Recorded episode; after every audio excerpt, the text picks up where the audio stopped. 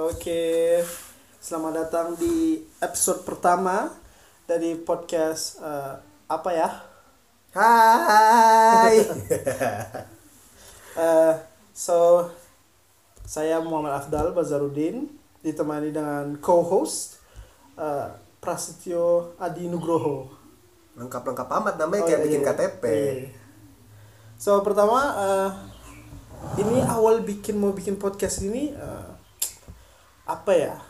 Ke, apa alasannya? Apa alasannya biar eh, hits? No no no no, no. sama sekali enggak.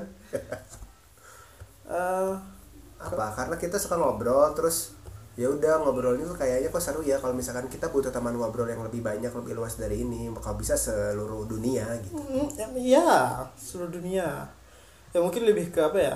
eh, seringnya cerita dan ngobrol eh, juga jadinya lihat sekarang kan banyak juga adanya podcast podcast di luar yang mungkin antara terlalu formal dan atau berbaliknya terlalu eh, apa ya guyonan lah gitu. terlalu apa itu namanya kapitalis jadi dia hanya memutar laba saja gitu jadi dia udah kerja terus punya laba labanya ini biar beranak dibikin podcast karena podcast bisa menghasilkan katanya gitu Ah ya, jadi kayak income kedua lah gitu ya. ya, keduanya ya ya. Re- revenue stream apa sih Ya ya revenue stream ya. Jadi bukan cuma satu doang Iya, kan. gitu-gitu ya. lah. Ya, that will make sense ya.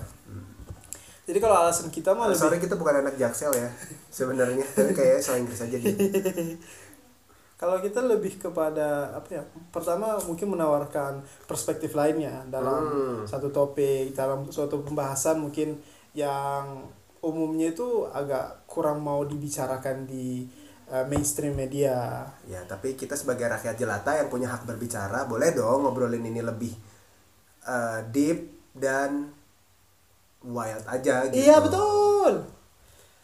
So apa ya? eh, mungkin pertama itu ya nawari perspektif lain dan bukan juga mengatakan bahwa we have the answers gitu enggak. Enggak, kita membahas masalah solusinya mungkin dari kalian. Ya. Nah, gitu ya. Gimana pun itu caranya, ya begitulah. Mm-mm. Ya itu tadi maksudnya we don't nggak pasti kalau we have the answers. The answer ya belum tentu. Apakah kita punya sebuah answer, ada opini ya. Ini mungkin didengarkan. Apakah mungkin bisa relate dan mungkin apa ya? Iya sih, aku juga ngerasa seperti itu. Atau mungkin ini sama sekali baru gitu sebuah opini atau sudut pandang yang kalian ngerasa bahwa oh ini beda nih. Hmm. Ya buat kalian yang eh, sobat-sobat pemuja idea gitu kan, Iya. bisa gabung sama kita juga ya kan. Iya iya iya iya iya. iya. Eh, so ya yang pertama mungkin em, yang pengen aku bahas itu ya eh, baru nggak baru sih. Baru ku sadari enggak ya? Enggak enggak. The, dua bulan atau sebulan lalu ya ya. eh, jadi si Pras Pras ini ada kemarin tuh nge-tweet atau retweet ya eh, bahwa setuju soal UNICEF itu Retweet, retweet, retweet, retweet, ya, ya. ya itu. Jadi Pras kemarin tuh nge-retweet bahwa uh, tweet uh, UNICEF yang mana mereka mengatakan atau apa ya? Ma- Unicef itu persatuan chef gitu. No no no no no. Bukan unit chef. No Oh, no no. iya. Jadi UNICEF itu kemarin mengatakan bahwa um, para suami uh, lebih cocoknya mendapat apa cocok uh, untuk mendapatkan uh, cuti juga ya ketika para istri sedang hamil dan sudah melahirkan. Kayaknya lebih tepatnya pas melahirkan deh. Pas melahirkan. Iya. Atau gimana sih coba dibacain lah tweetnya kalau nggak Ih, yang mana lupa. Eh, yang ada kok ya apa yang konkret yang setuju gitu Coba ya. ya Mana sih? Ah. Oh ini. nah gimana gimana apa kemarin tweetnya Ini UNICEF Indonesia. Hmm. Berdasarkan pembahasan kita beberapa hari yang lalu tentang pentingnya dukungan ayah terhadap ibu menyusui, asik setujukah kamu jika ayah diberikan jatah cuti berbayar oleh perusahaan? Kira-kira berapa lama waktu ideal yang dibutuhkan ayah untuk menemani ibu yang menyusui? Nah itu. Hmm. Ya aku bilang setuju lah gitu. Karena ibu-ibu yang menyusui itu memang butuh pendampingan dari siapa lagi kalau bukan suaminya hmm.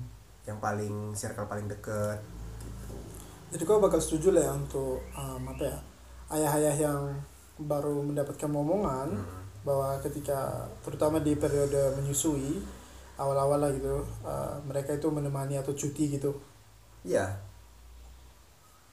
Iya cuti-cuti ketika anaknya lahir bukan cuman waktu baru anak pertama ya. Anak ketujuh juga nggak apa-apa yang penting anak- kayak newborn gitu loh. hmm. Anaknya baru lahir mungkin di sekitar satu bulan pertama itu kan harus didampingin gitu istrinya. Kenapa? Karena setahu aku sih kalau misalkan istri itu butuh dukungan suami supaya nggak stres gitu. Apalagi kalau ini anak kedua anak ketiga gitu. Ya kalau jarak anaknya jauh mungkin anaknya udah dewasa dulu. Bukan dewasa sih udah gede udah bisa kasih tahu. Tapi kalau misalkan jaraknya cuma setahun gitu si an, si, si si satu tahun ini eh si dua tahun ini terus punya adik itu kan ya kebayang lah repotnya gimana gitu. Dan nggak semua keluarga bisa hire uh, asisten rumah tangga untuk megang anak yang kecilnya gitu kan. Tapi aku kok kebayangnya maksudnya apa ya eh, dengan kebijakan misalnya si ayah itu diperbolehkan untuk libur kok aku ngebayangin bahwa eh, itu nggak nggak juga menjadi solusi bahwa si ayah pasti akan membantu juga. Karena mengatakan bahwa apa ya memberi eh, ya beginilah contohnya ketika misalnya anak-anak sekolah semua dikasih waktu yang sama untuk pulang lebih cepat agar mengerjakan PR apakah semua anak yang punya PR dan diberi apa dikasih waktu untuk pulang lebih cepat akan mengerjakan PR tidak terutama saya. Nah, itu pasti maksudnya. pasti. Cabut lah ngapain ngerjain PR kan bisa nanti ngerjain PR. Nah itu maksudnya apakah uh, apakah liburnya yang dibutuhkan atau apa ya? Kalau memang mau meng, ini kan namanya apa ya? Lebih kepada mengoptimalkan peran ayah ya. Juga membantu ibu gitu. Em, kalau aku sih lebih setujunya mungkin adanya pelatihan gitu, adanya uh, penginformasian dari setiap perusahaan bahwa untuk mereka yang calon ayah atau yang baru menikah bahwa mereka minimal ya mengikuti semacam seminar kah gitu yang diadakan oleh perusahaan Hmm. untuk mereka yang calon-calon ayah ini tahu lah gitu bahwa perannya kalian sebagai apa nanti Hmm. karena kalau cuma mengatakan bahwa ayah-ayah eh, kalau kalian punya newborn child gitu ya udah silahkan libur lah gitu Hmm. nggak akan ngebantu juga kalau si ayahnya apa ya ngapain dia dengan waktu yang diliburkan itu tadi toh kalaupun dia pulang ke rumah terus nggak tahu mau ngapain gimana ya sih itu satu poin yang bagus juga sih kasih edukasinya dulu terus kasih waktunya juga untuk uh, implementasi dari apa yang sudah diajarkan apa yang sudah diseminarkan itu tadi gitu Hmm. kali ya jadi tetap aja dong butuh libur untuk mengaplikasikan tapi kalau itu. untuk mengatakan libur juga em, apa ya satu sisi kan kita mengatakan bahwa apa ya kemanusiawian gitu kan. Kita mengatakan bahwa seorang ibu membutuhkan uh, peran ayah juga dalam hal itu. Dia butuh support butuh ini butuh itu. Yang mana kita nggak kita setuju kita setuju pastinya. Tapi kita juga harus adil dan melihat bahwa perusahaan dapat apa sih dari ini? Hmm, dari sudut pandang hmm, pemilik modal ya. Eh, ya iya kan? Yeah. ya harus harus fair juga lah. Maksudnya nggak bisa juga cuman ngomong ini manusiawi ini kebaikan sui anak iya tapi yang punya perusahaan ini juga apa ya untuk kebaikan anak dia untuk kebaikan keluarga dia yang mengatakan bahwa seolah-olah kepentinganmu lebih penting dari kepentingan orang lain juga nggak fair lah gitu dan sangat egoistik gitu. Maksudnya dalam hal ini kalau aku ngelihatnya apa ya untuk misalnya datang lebih telat pulang lebih cepat oke aku setuju atau misalnya dia kerjanya lebih kepada apa ya untuk setiap ayah yang berada di apa ya periode anaknya akan melahirkan misalnya Anaknya dia- akan melahirkan gimana? Jadi jadi kakek Enggak, ya. enggak, maksudnya apa ya mungkin eh, si istrinya itu lagi berada di apa bulan ke 9 di mana kemungkinan akan Hmm. apa eh, apa ya nggak tahu kapan akan lahir bisa kapan saja dan misalnya post eh, apa ya Natal di mana mungkin masih bulan apa ya bulan pertama bulan kedua aku ngelihatnya lebih kepada mungkin ayahnya boleh lah gitu pulang kalau kerjaan udah selesai. Atau ayahnya boleh pulang kalau lebih cepat atau ayahnya boleh pulang apa boleh datang di kerjaan lebih lama gitu. Artinya lebih ada fleksibilitas waktu, yang penting produktivitas kamu tetap ada gitu. ya Hmm, Karena kalau mengatakan untuk langsung meliburkannya tapi tetap dengan gaji, is that fair untuk para perusahaan? kalau aku di posisi yang punya modal sih ya pasti akan mikir terus kerjaannya nanti siapa yang ngerjain gitu. Nah. Iya sih. ya Iya. ya ya ya itu itu itu betul juga gitu kita harus memikirkan semua pihak ya Iya betul. Iya mau bicara manusiawi dan apa yang mengatakan bahwa ini untuk kebaikan si anak. Iya, tapi harus dengan cara yang benar juga dong. Nggak bisa untuk apa ya? Untuk anak saya maka harus ada yang dikorbankan. Ya perusahaan harus mengorbankan berapa juta gitu. Ya bayangkan gimana kita menggaji gimana kalau misalnya kita sendiri lah menggaji orang yang tidak bekerja. That doesn't really make sense lah gitu Hmm. belum lagi cerita soal istrinya kalaupun dia memang bekerja yang mana sekarang itu adalah hal umum gitu wanita karir Hmm. Mereka banyak yang libur tapi tetap digaji kan? Tapi sebenarnya memang uh, kebijakan ini uh, belum ada apa ya ini baru da- dari sudut pandang mungkin ya, dari sudut pandang kajian ilmiah gitu. Ah. kajian ilmiah maksudnya kayak selama ini keluarga-keluarga yang keluarga baru atau keluarga yang baru punya uh, anak atau keluarga yang punya anak baru lahir gitu tetap aja loh mereka sustain dengan maksudnya ya udah ayahnya kerja juga nggak apa-apa gitu. Hmm. justru apakah jadi bukan bukan ini eh, kalau misalkan ini Bukan sebuah krisis lah ya, gitu. jadi kebijakan kayak ya lu mau ngasih solve buat apa buat yang mana gitu. Sebetulnya ya. Ataupun mengatakan bahwa ini adalah peningkatan kesejahteraan gitu kan ya Em, ya bukan cuman ini loh caranya kalau misalnya mau bilang peningkatan kesejahteraan bukan cuman kehadiran seorang ayah. Maksudnya hadir aja seorang ayah cuman tapi kalau dia duduk-duduk doang gitu cuman nonton TV dan ju- justru dengan kehadiran ayah kalau dia kurang bermanfaat di rumah justru bisa buat lebih stres istrinya lebih memberatkan gitu. Belum lagi apa ya kalau orang-orang zaman dulu akan mengatakan justru apa ya sebaliknya gitu bahwa "Eh, kami dulu bisa kok. Justru ada yang sampai bayangkan mereka yang suaminya kerjanya jauh gitu mau disuruh pulang juga apa? Enggak sih. Iya kan? Tapi aku tetap setuju sih. Setuju setuju untuk ada libur gitu. Libur. Tapi tadi gimana kalau misalnya kayak apa ya eh, mengatakan mungkin pulang ayahnya pulang lebih cepat atau intinya kan yang penting dia ngedampingin istrinya kan terlepas dari libur atau enggak sebenarnya gitu. Ya ya seharusnya kalau misalkan lu udah dikasih libur lu tetap punya responsibility dong baik itu ke keluarga lu dan itu ke pekerjaan. ke pekerjaan Hmm. gitu tetap aja gitu. Tapi memang ini memang harus di dipelajari lebih dalam lagi karena memang memang akan kalau tiba-tiba akan timpang juga. Ya lu diliburin tapi ini gimana dong kerjaan gitu kan? Hmm. atau memang boleh ya nggak semua pekerjaan bisa dilakukan mobile juga ya dari nah rumah. itu juga apa ya? Sangat tergantung pekerjaannya juga lah berarti term and conditionnya memang harus benar-benar yang sangat-sangat apa? Sangat-sangat detail gitu. Hmm, ya untuk mengatakan apa ya um, katakan ini juga menjadi privilege tertentu loh gitu maksudnya kita juga harus realistis kalau misalnya kau apa ya memiliki gaji yang um, di- contohnya misalnya apa ya pas-pas uh, UMR atau di bawah ya mengharapkan privilege seperti ini justru juga akan sulit lah gitu atau mungkin gini kalau misalkan biasanya kan di di semua di setiap pekerjaan itu kan ada ada total cuti tahunan gitu nah cu- cuti jadi kan ada cuti tahunan cuti menikah Hmm. Kalau perempuan kan ada cuti hamil dan melahirkan nah sekarang si cuti itu ditambah tapi jangan banyak-banyak jadi boleh diambil boleh enggak gitu jadi dia si ayah ini akan ngukur sendiri gitu Hmm. kalau mau diambil ya silahkan kalau enggak ya nggak apa-apa Ya sih. Tapi kalau Gitu. kalau aku mungkin lebih fokusnya kepada penginformasian apa ya?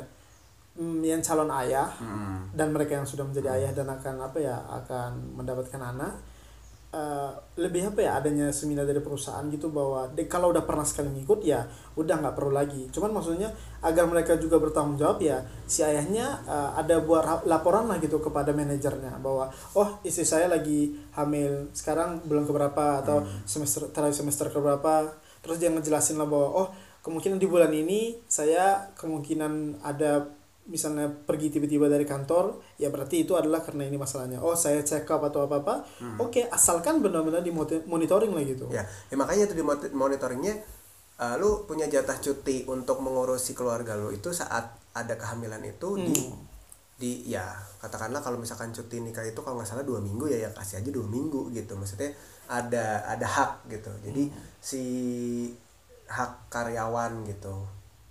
Ya gitu dan mungkin kalau misalkan eh ada dampak buat perusahaannya karena itu hak buat karyawan kan harus ada kewajiban yang diselesaikan ya ya berarti itu harus pakai responsibility si orangnya gitu Ya. dan, Dan perusahaan berhak untuk ya lo kan udah cuti berarti nge-push dong gimana Ya. caranya Ya. gitu ya dan penggunaan libur seperti ini juga ya harus ada urgensinya lah Hmm. maksudnya nggak bisa juga apa ya mengatakan bahwa oh sekarang ini udah eh, tujuh bulan dan kayaknya dia tuh ngidam yang ini ini loh yang aku harus. Ya itu juga enggak lah gitu. Maksudnya apa pun klaimnya dan urgensinya ya harus scientific lah gitu. Dan harus benar lah. Contohnya misalnya ketika oh eh, dia butuh eh, misalnya istrinya membutuhkan apa ya eh, perhatian dari suami atau ini itu ya ini maunya ada referensi dari orang yang ahli gitu. Bukan cuma sekedar ya sepertinya sepertinya kata keluarga ini keluarga itu. Nah hal-hal seperti itu ya kita maksudnya mengharapkan bahwa kalau suaminya ingin benar-benar apa ya mengikuti hal ini ya dia juga harus pay attention dan apa ya all out lah gitu dalam hal ini. Harus nggak bisa cuman eh, ya saya mau libur pokoknya saya nuntut ini. Ya kamu juga harus benar-benar tahu lah gitu istri itu sekarang lagi hamil gimana dan kewajiban-kewajiban dia lah selaku suami lah gitu. Kalau yang istrinya dua gitu gimana ya? Atau lebih gitu? Nah justru kalau yang misalnya istrinya dua eh, akan lebih terbantu lah. Kan yang hamil satu. Jadi kalau yang istrinya lebih dari satu gitu artinya melakukan poligami gitu ya kayak dia nggak dapat hak itu gitu karena asumsinya istri-istrinya akur semua gitu. No no no, no. ya, ya ya. bukan itu asumsinya lah ya. Cuman eh, jadi ya itu istrinya mungkin- bisa saling membantu gitu. Mungkin mungkin itu satu tapi juga uh, apa ya tetap adalah pasti uh, karena yang dibutuhkan itu kan peran ayah tetap beda gitu peran seorang ayah. Karena mungkin kalau dibilang dalam hal itu apa ya uh, istri kedua atau istri pertama ya walaupun dikatakan sebagai walaupun dikatakan sebagai adiknya atau apa ya sebagai kakak gitu ya itu figuran sama kayak saudara dia gitu saudara istri juga sama maksudnya walaupun ada kehadiran saudara istri bukan berarti itu sama bisa digantikan dengan sosok ayah kan? Iya. so ya nggak apple to apple juga lah gitu. Jadi tetap ya kalau misalkan yang poligami tetap dia dapat hak itu juga gitu. Eh, mungkin lah ya ya I would say yes. I would say yes. Tetap aja gitu. Jadi eh Karena- mungkin bagi pemilik-pemilik modal pem- pe- pemilik perusahaan gitu ya bisa gitu eh, memberikan hak itu kepada hak cuti mendampingi istri menyusui itu dijadikan hak cuti juga gitu. Kan kalau cuti total di perusahaan itu biasanya 12 hari ya ini ditambah lah bisa jadi 15 atau 16 hari gitu. Ya that would make sense. Gitu sih kayaknya. Iya. jadi dia boleh ngambil hak itu gitu kan. Ditambah ya lumayan juga kan tapi ya maksudnya tetap bertanggung responsibility gitu si si suaminya bahwa atau sisi keluarganya suami sama istrinya bahwa lu cuti ini ditambah tapi jangan jangan berat tapi lu juga tetap membekali diri kalian dengan pengetahuan-pengetahuan tentang em, menyusui juga gitu Hmm. Ya maksudnya ketika ngasih privilege seorang ayah untuk pulang cepat atau datang telat, ya juga harus dibarengi dengan apa ya pertanggungjawaban si ayah bahwa dia ngerti role-nya gitu. Jadi privilege ini bukan di, apa ya diberi semena-mena karena oh sekarang kau akan punya anak nggak gitu juga gitu. Yep. Karena kalau betul-betul mau dilihat apa ya benefitnya yang akan dapat keuntungan di sini kan hanya si apa ya si ayah dan si ibu yang akan punya anak. sebenarnya enggak sih sebenarnya kayak itu kan bentuk kepedulian perusahaan terhadap keluargamu Ya. Tapi jadinya kan maksudnya itu eh, kayak apa sih corporate social responsibility yang diberikan kepada karyawannya sendiri gitu. Jadi ya tolong itu di diartikan sebagai ini perusahaan udah peduli loh sama lu lah. Ya tolong dong lu juga juga peduli juga Ah, iya, sama, iya. sama perusahaan gitu. Ya mungkin ini lebih- kan eh, emang selama ini belum ada ya perusahaan yang kayak gitu kayaknya? Kayaknya kalau misalnya untuk kebijakan apa ya yang membuat lebih fleksibel uh, mereka boleh cuti atau pergi ada sih, tapi untuk resmi ada peraturan tertentu gitu kayaknya itu yang belum ada. Hmm. Ya, jadi kalau misalkan lu cuti kan dia nggak dapat kayak mungkin hari itu ada total uang makan ya uang makannya nggak ada gitu. Ya, ya, perusahaan, ya, perusahaan ya. nggak nggak usah harus ya kan lo nggak masuk gitu. Ya betul. Ada tunjangan-tunjangan tertentu yang memang nggak akan diberikan lah kalau memang tidak digunakan atau uh, tidak dibutuhkan saat itu. Hmm, iya iya. Ya misalnya contohnya apa ya? Uh, ada beberapa tunjangan seperti pembiaya apa biaya pulsa atau apa untuk nelfon Mhm. nah hal-hal seperti itu ya akan dilihat kembali lah gitu kalau hari itu lo nggak masuk karena lo cuti nampingin istri lo uh, menyusui ya karena hari itu harusnya tunjangan diberikan yang hari itu lo harus kayak misalkan dia adalah uh, marketing gitu kan Hmm. maka ya, Ya, nggak dapat, budget ya gitu. Budget yang sudah disisihkan untuk dia pada hari itu ya maka nggak ada lagi gitu walaupun sih memang nggak bisa dihitung apa ya seolah-olah pulsa itu atau penggunaan itu satu hari akan ada budget misalnya 50.000 ribu atau 100 Hmm. enggak sih ya kemungkinan bisa besoknya hari Senin itu 100 hari Selasa itu 25.000 ribu hmm.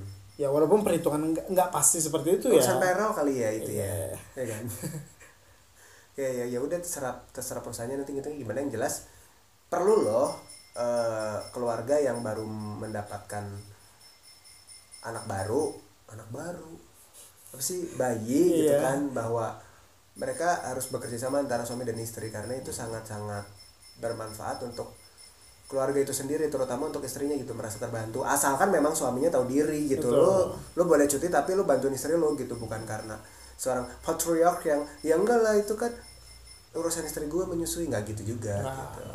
ya berarti si perusahaannya juga nggak bisa juga apa ya terlalu dipaksa untuk tuntut eh, ya harus memberi harus mengerti dong harus mengerti. Tapi sedangkan ketika itu diminta apa ya eh, kebalikannya bahwa lah jadi perusahaannya gimana dengan hal ini? Dengan banyaknya mengalah banyaknya memberi kelonggaran apa yang didapatkan kembali? Ya yang didapatkan adalah keceriaan dari karyawan yang akan meningkatkan kinerja. Keceriaan bahasanya apa sih?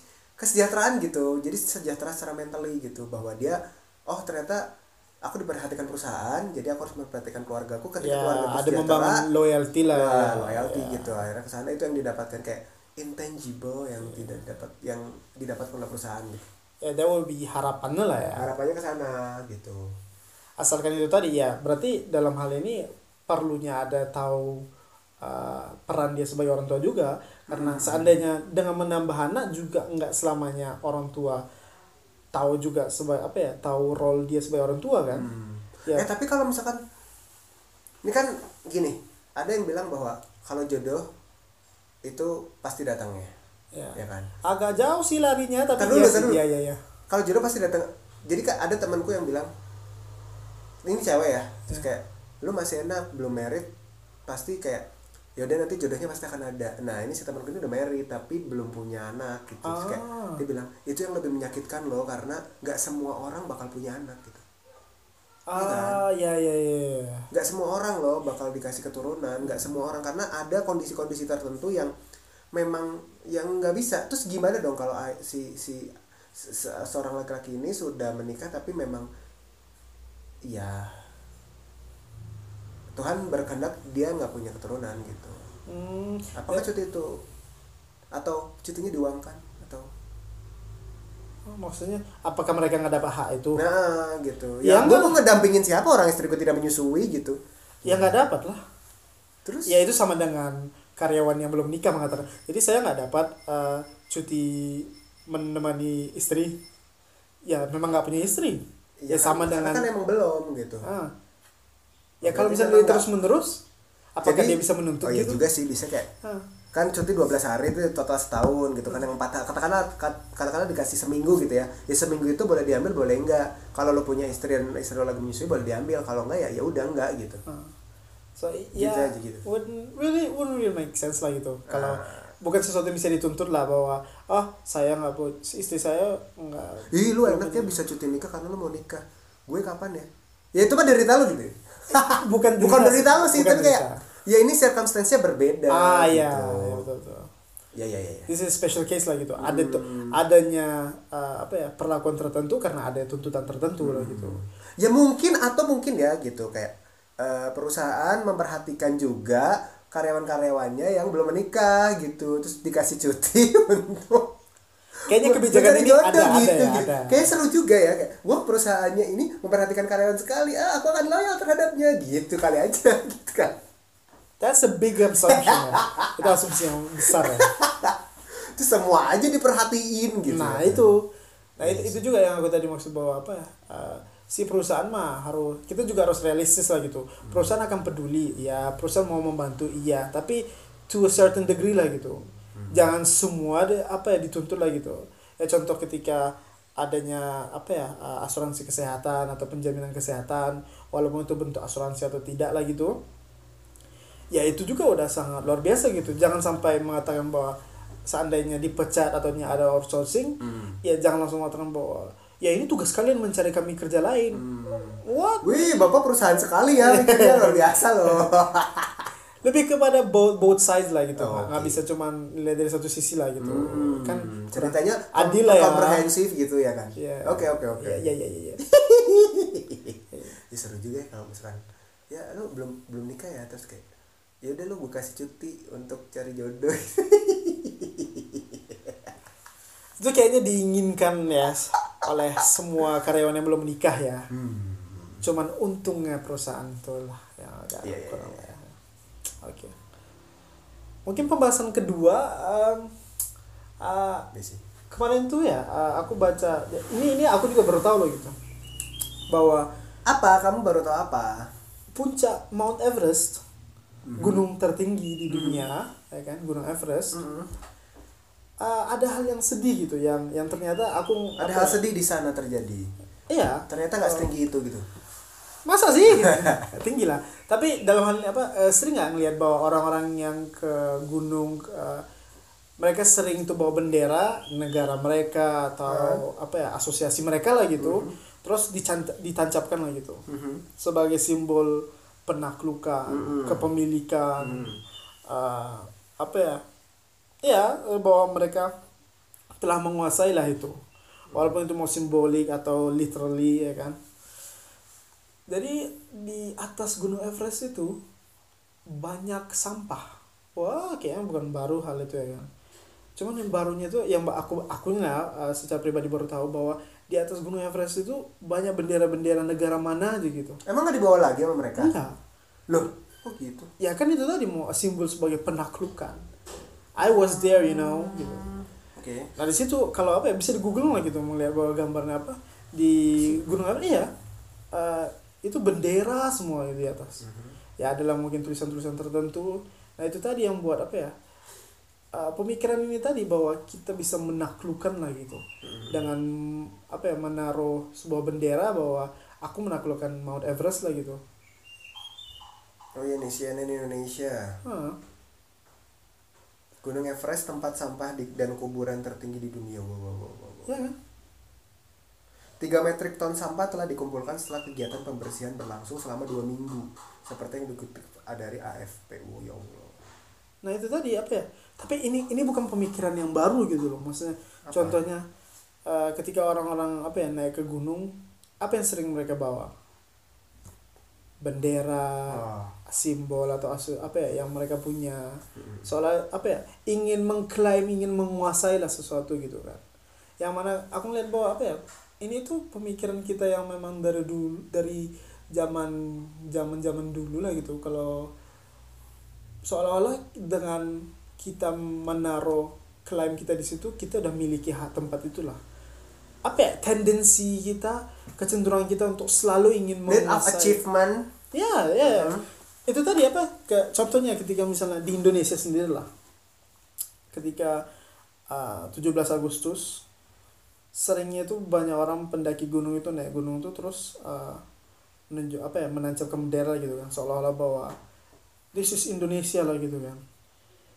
Ya yang bilang itu Netherlands siapa? What's the point? poinnya kalau kalau aku ngeliatnya apa ya? Anehnya um, kenapa kita selalu ingin mengklaim sesuatu gitu? Ingin bahwa menunjukkan uh, apa ya? Aku ada di atas ini gitu. Human being gak sih? Itu sifat dasar manusia gak sih? ya I would say so. But just why-nya di zaman sekarang gitu loh di mana mulainya apa ya? Banyak pergerakan bagus itu uh, Itu bukannya sama kayak sama kayak ini ya semua demi Insta story gak sih? nah that, ya ya. Iya kan? itu bisa dikatakan sebuah apa ya? Uh, Existence dong itu. ya ya ya sih semua demi sesuatu di apalagi sekarang lah ya. Mau di mana pun itu harus diupload gitu. Kalau kalau tidak difoto dan tidak diupload maka tidak pernah terjadi hal itu. Iya. Ya kan? dokumentasi realita lah bisa dikatakan. Ya. Dokumentasi yang dibikin untuk merekam momen itu dan nantinya akan dibuka ketika satu saat nanti gitu ya. Tapi akhirnya jadi gue mau buka sekarang buat ngasih tau orang-orang gitu. Ya. biar orang-orang tahu kalau aku tuh pernah ke sana. Nah itu juga kan yang yang terjadi di gunung juga kali Iya. ya. Ya, ya aku nggak tahu sih kalau teman-temanku yang ngedaki itu mereka bawa kayak gitu apa enggak tapi kalau dari dari dari eh, bahasanya mereka tuh mereka kan selalu bertanggung jawab atas apa yang mereka lakukan di gunung. Mungkin sebagian pendaki gunung amatir kali ya karena yang aku tahu teman-temanku yang ikut memang organisasi pecinta alam gitu ya. Memang salah satu kan pecinta alam tuh nggak cuma naik gunung doang gitu. Masa sih? Iya kan? Jadi mereka kan selalu aware dengan bahkan kayak mereka bawa trash bag sendiri gitu loh. Nah itu ya ketika aku mengatakan itu tadi ya adanya uh, kecenderungan mengklaim dan uh, menginstastorykan segala hal bukan juga mengeneralisir bahwa semua pendaki seperti itu ya atau semua adventurer atau pencinta ya lu kan atau- adventurer juga. Eh, iya, masa iya, iya, iya. eh, ya kan? Bukan mengatakan bahwa mereka itu sama semua gitu. Tapi eh, ini tadi apa ya?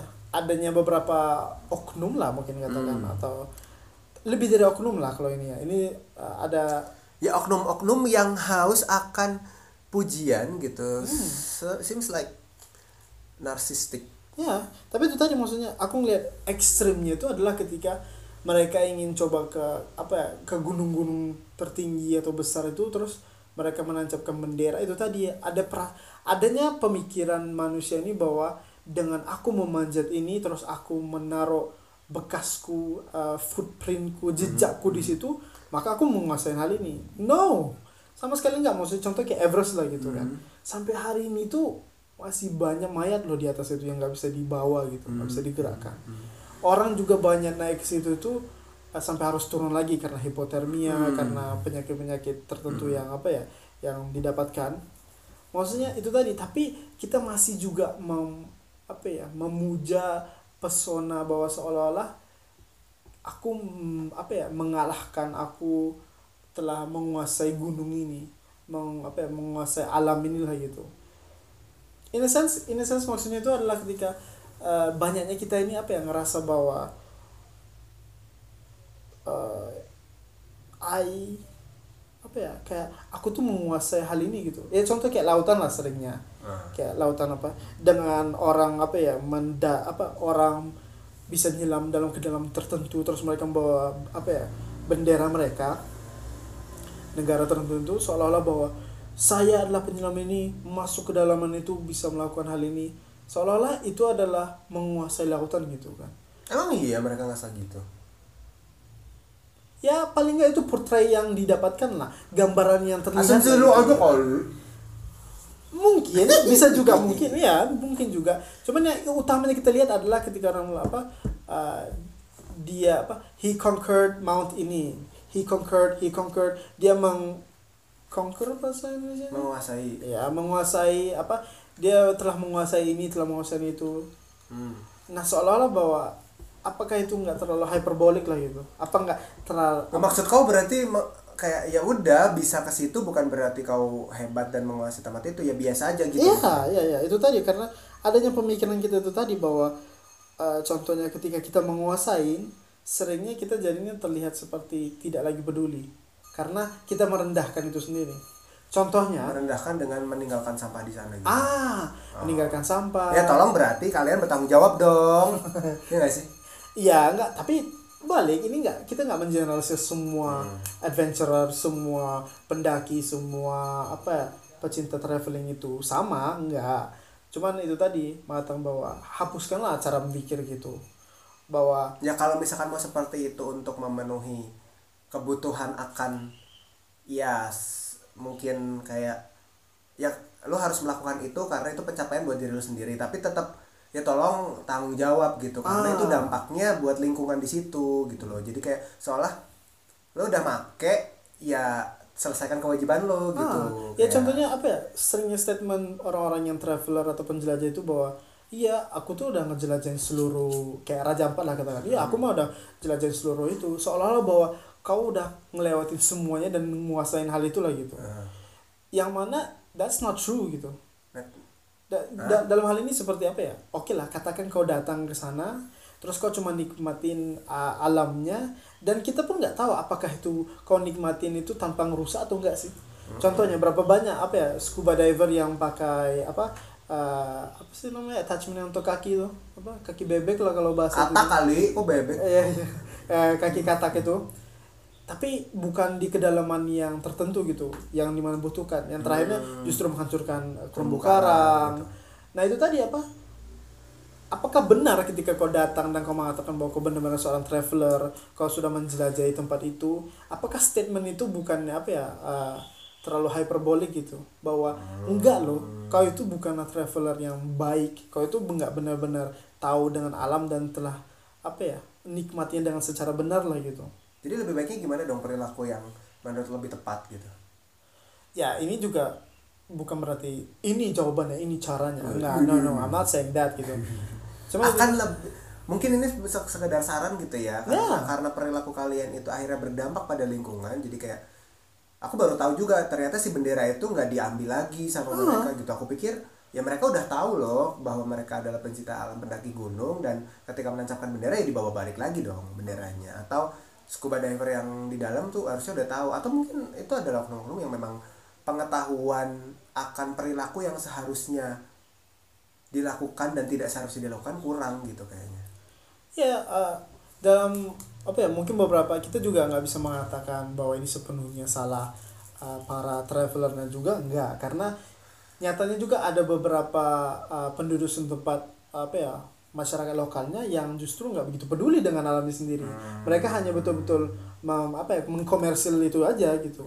Nah tugas ya harus kedua pihaknya lah kalau mau kalau benar-benar mau membantu dan menjadikan lebih baik kita sebagai traveler harus pintar-pintar juga gitu jangan hanya karena penduduk setempat tidak begitu uh, memperdulikannya kita justru Jadi ikut kita- aja ya Ah. Da- nggak adil apa nggak nggak cocok lah perilaku itu nah Hmm. sedangkan untuk mereka yang apa ya penduduk setempat juga baiknya mencari tahu lah gitu maksudnya agar ini bisa tetap dikomersilkan Dan tapi tetap juga lestari. ah untuk tetap dilestarikan gimana sih Hmm. jadi adanya ada balance loh di situ kalau kelihatnya karena itu sama tangan pemerintah nggak sih? Iya tentunya yang paling berkuasa adalah pemerintah dan apa ya bisa sangat membuat dampak yang besar ya.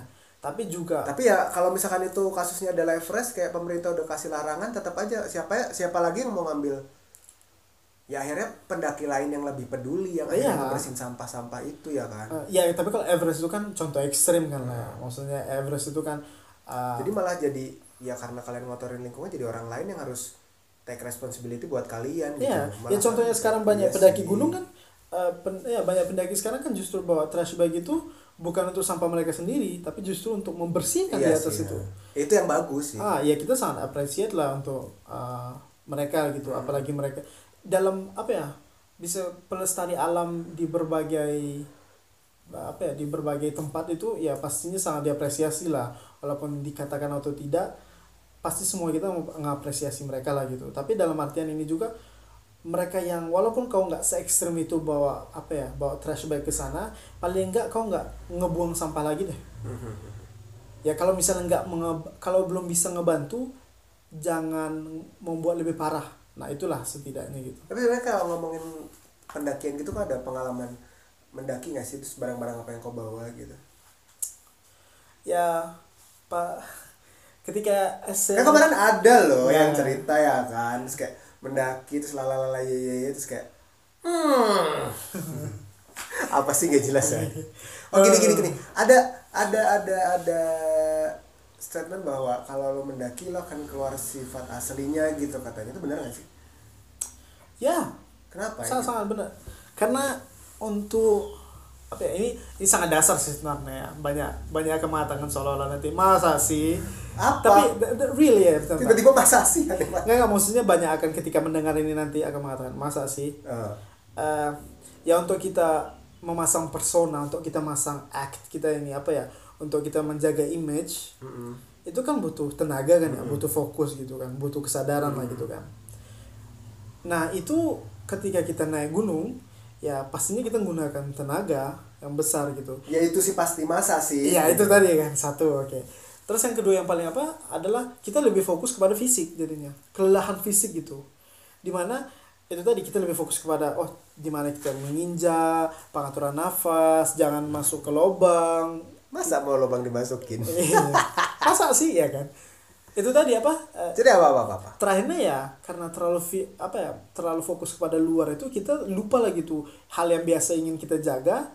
Dan itu yang terakhirnya keluar. Contohnya ketika misalnya eh tolongin dia ah ah yang hal jadi karena memang memang eh, as- eh, lingkungan fisiknya kondisinya di sana udah ngedrain fisik gitu kan Hmm. jadi tenaga untuk mengatur yang di dalam ah, in this case itu apa ya kepribadian kita yang biasa kita apa ya tonjolkan. Tenaga untuk mengatur itu jadinya berkurang dan itu yang terakhir jadinya kebablasan atau terlihat gitu.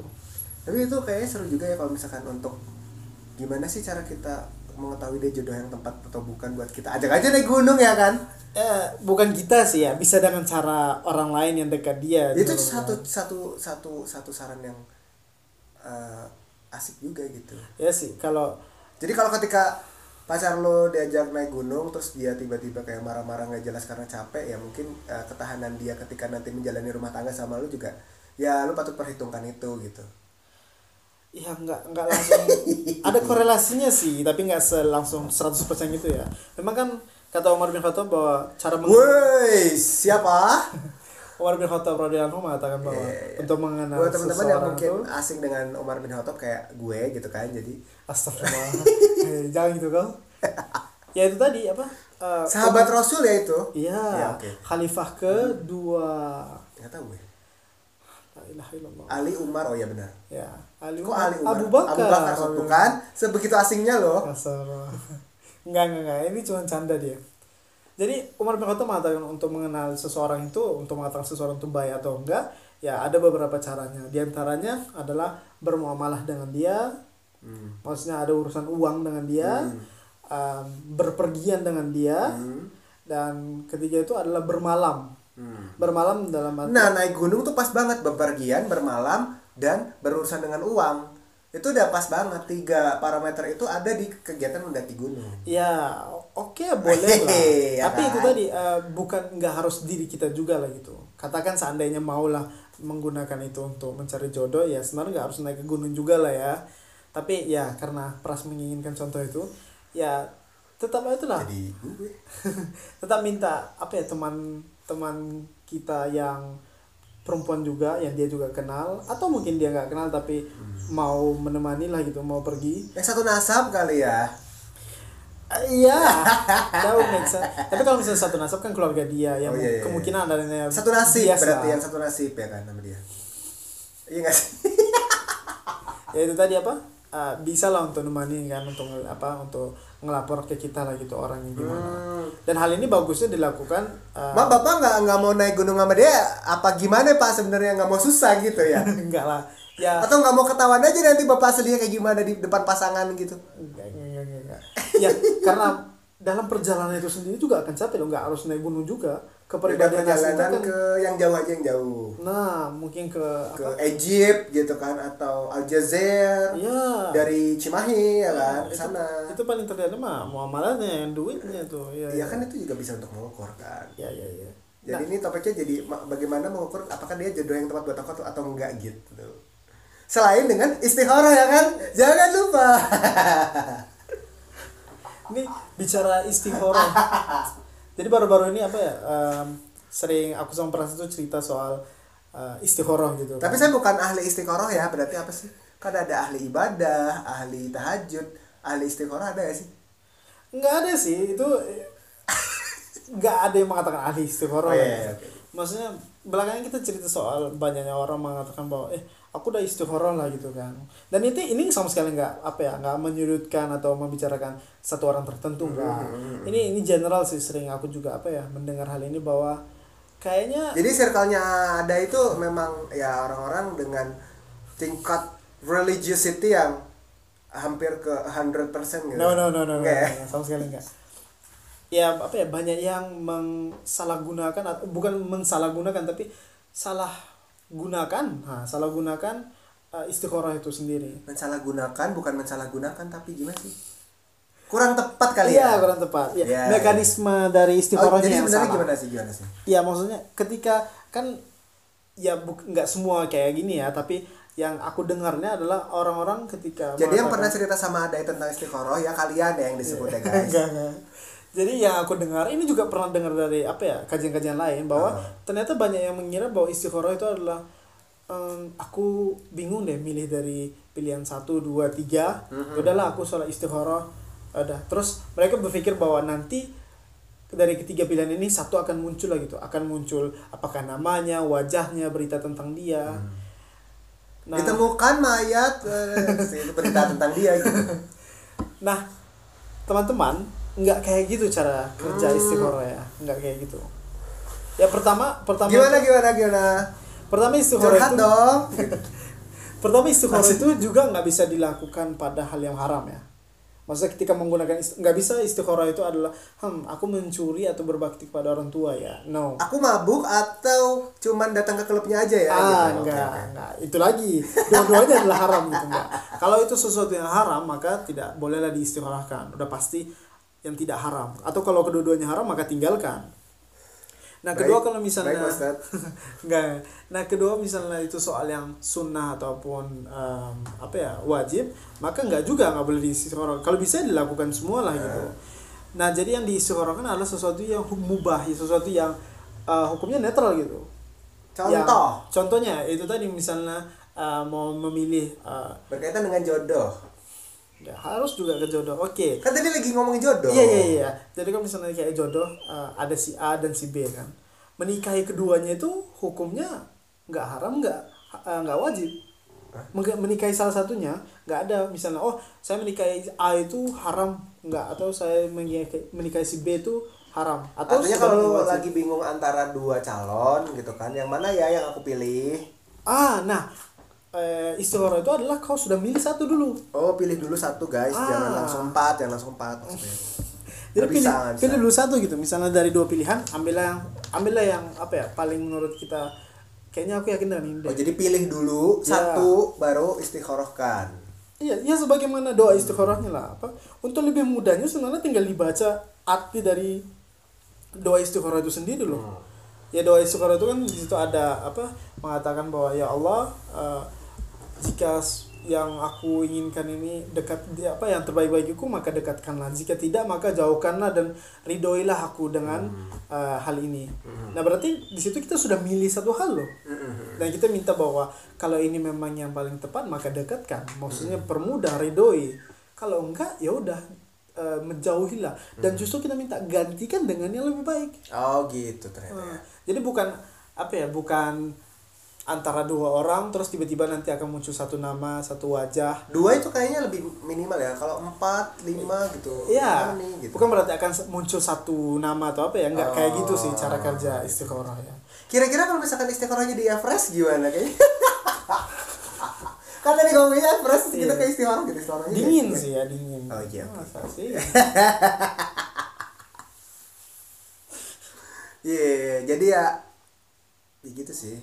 Kayak tolonglah kalau misalkan kalian melakukan kegiatan apa pun tetap bertanggung jawab apakah itu berdampak merusak lingkungan atau enggak. Jadi jangan egois ya intinya Hmm. gitu ya. Ya cari tahu juga cara terbaik melakukan hal ini, cara benar melakukannya gimana ya. Hmm. Ya jangan ikut-ikutan doang. Apa katakanlah misalnya mau iseng, oh mau nyoba, oke lah. Tapi kalau mau nyoba, tolong dicoba dengan cara yang benar ya. Hmm. hmm. ya itu tadi kalau misalnya oh aku ini pertama kali naik gunung ya jangan juga mikir bahwa uh, naik gunung itu ya bebas tinggal naik aja ya harus tahu gimana nya Iya iya iya iya.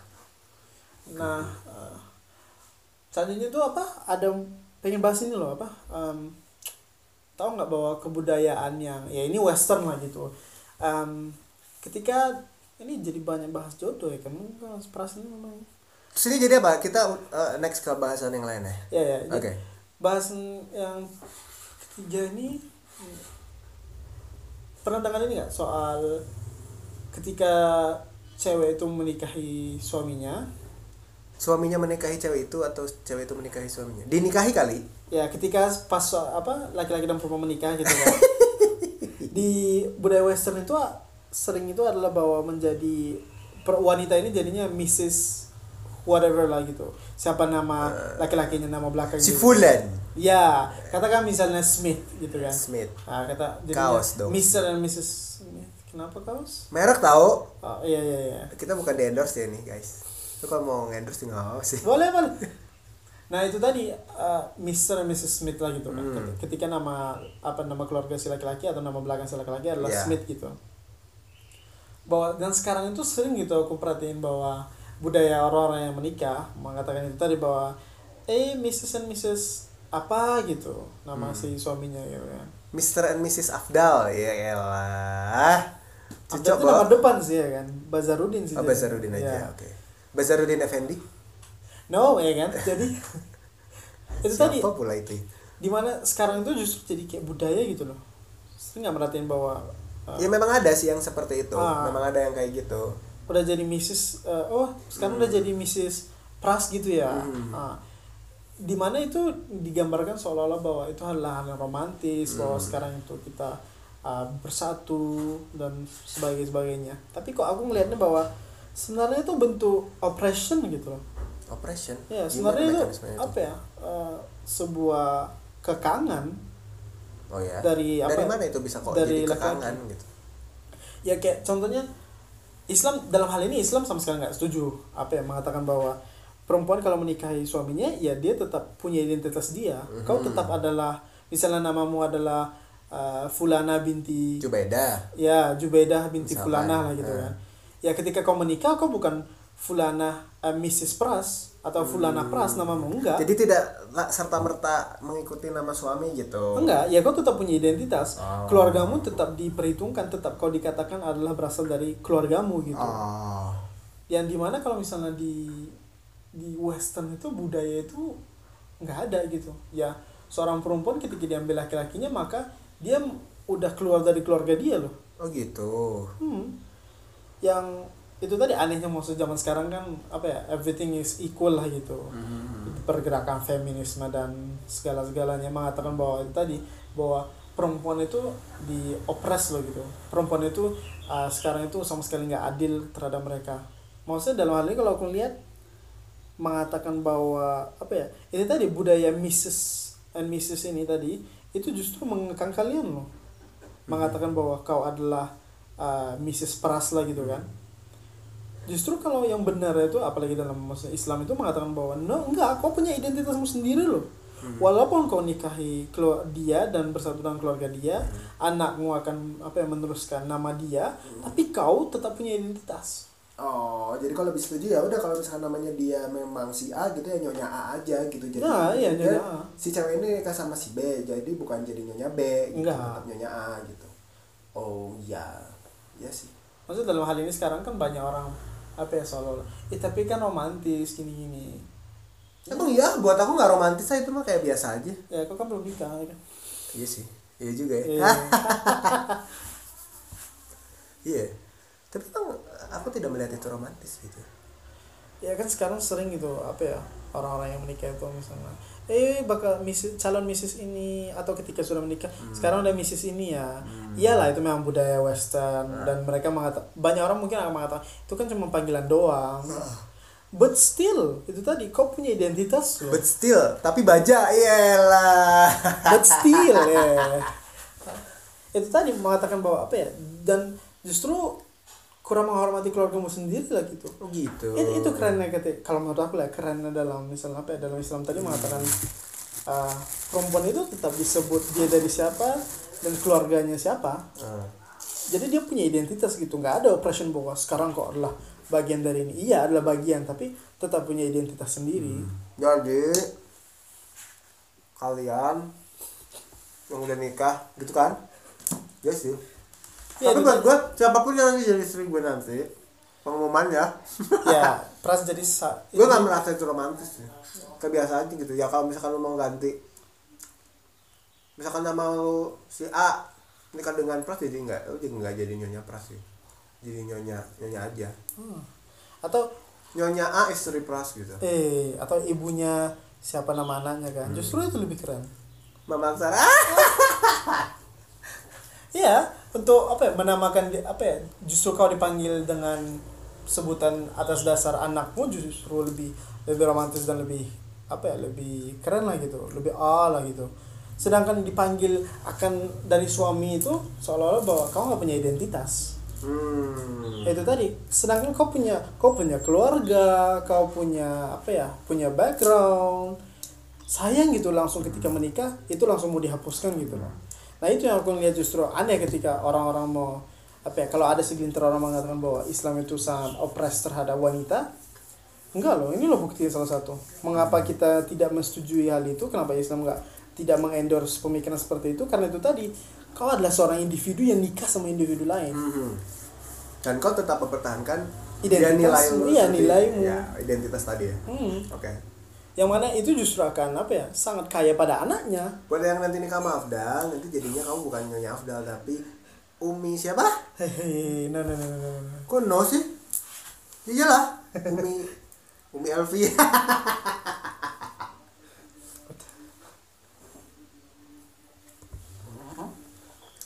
Apalagi le? Hmm. ada pembahasan lain nggak pembahasan. Yang paling seru tapi udah pernah dibahas sih. Apa tuh? Sahabat itu nggak ada. Maybe untuk next ya itu ya. ya untuk mungkin kalau kali ini tuh apa ya sering-sering sih pembahasan yang kami mikirin itu sesuatu yang mungkin apa ya kami lihat atau kami dengar uh, beberapa hal yang sebelumnya terus kami simpan gitu. Ketika jumpa baru eh le aku kemarin baca ini loh baca ini loh baru kita bahas sama-sama. Ya karena kita pengangguran. Ya untuk mungkin teman-teman mungkin mau apa ya ada ada topik yang mau dibahas atau ingin memberi saran atau apa nanti bisa lah lewat cacian makian juga diterima loh. Eh, ya bisa lewat apakah nanti dari DM atau komen? DM diabetes mellitus. Ya maaf ya maaf oke? Oke. mungkin untuk episode apa ya? Iya, pertama kita ini mau ada kegiatan lagi nih walaupun pengangguran ya. Ya mungkin untuk episode pertama podcast eh, apa ya? Ini adalah eh, sampai sini dulu. Sampai jumpa di episode episode berikutnya. Terima kasih loh udah udah mau meluangkan kuota dan kupingnya untuk iya. kita ya. Kan? ah, dan mencoba sesuatu yang sama sekali di awalnya itu nggak tahu ini ini bakal apa sih jadinya. Mhm, mhm. Ya terima kasih banyak udah mau coba mau meluangkan waktunya. Eh, mudah-mudahan mau datang kembali loh dengar-dengar lagi habis-habisin kuota dikit. Mhm, mhm. nanti kita giveaway pulsa lah kalau no no no, no belum belum bapak. Giveaway pulsa. Ya buat dengerin kita tapi khusus gitu. Oh, iya, iya. yang pulsa itu bisa dipakai cuma buat dengerin ini.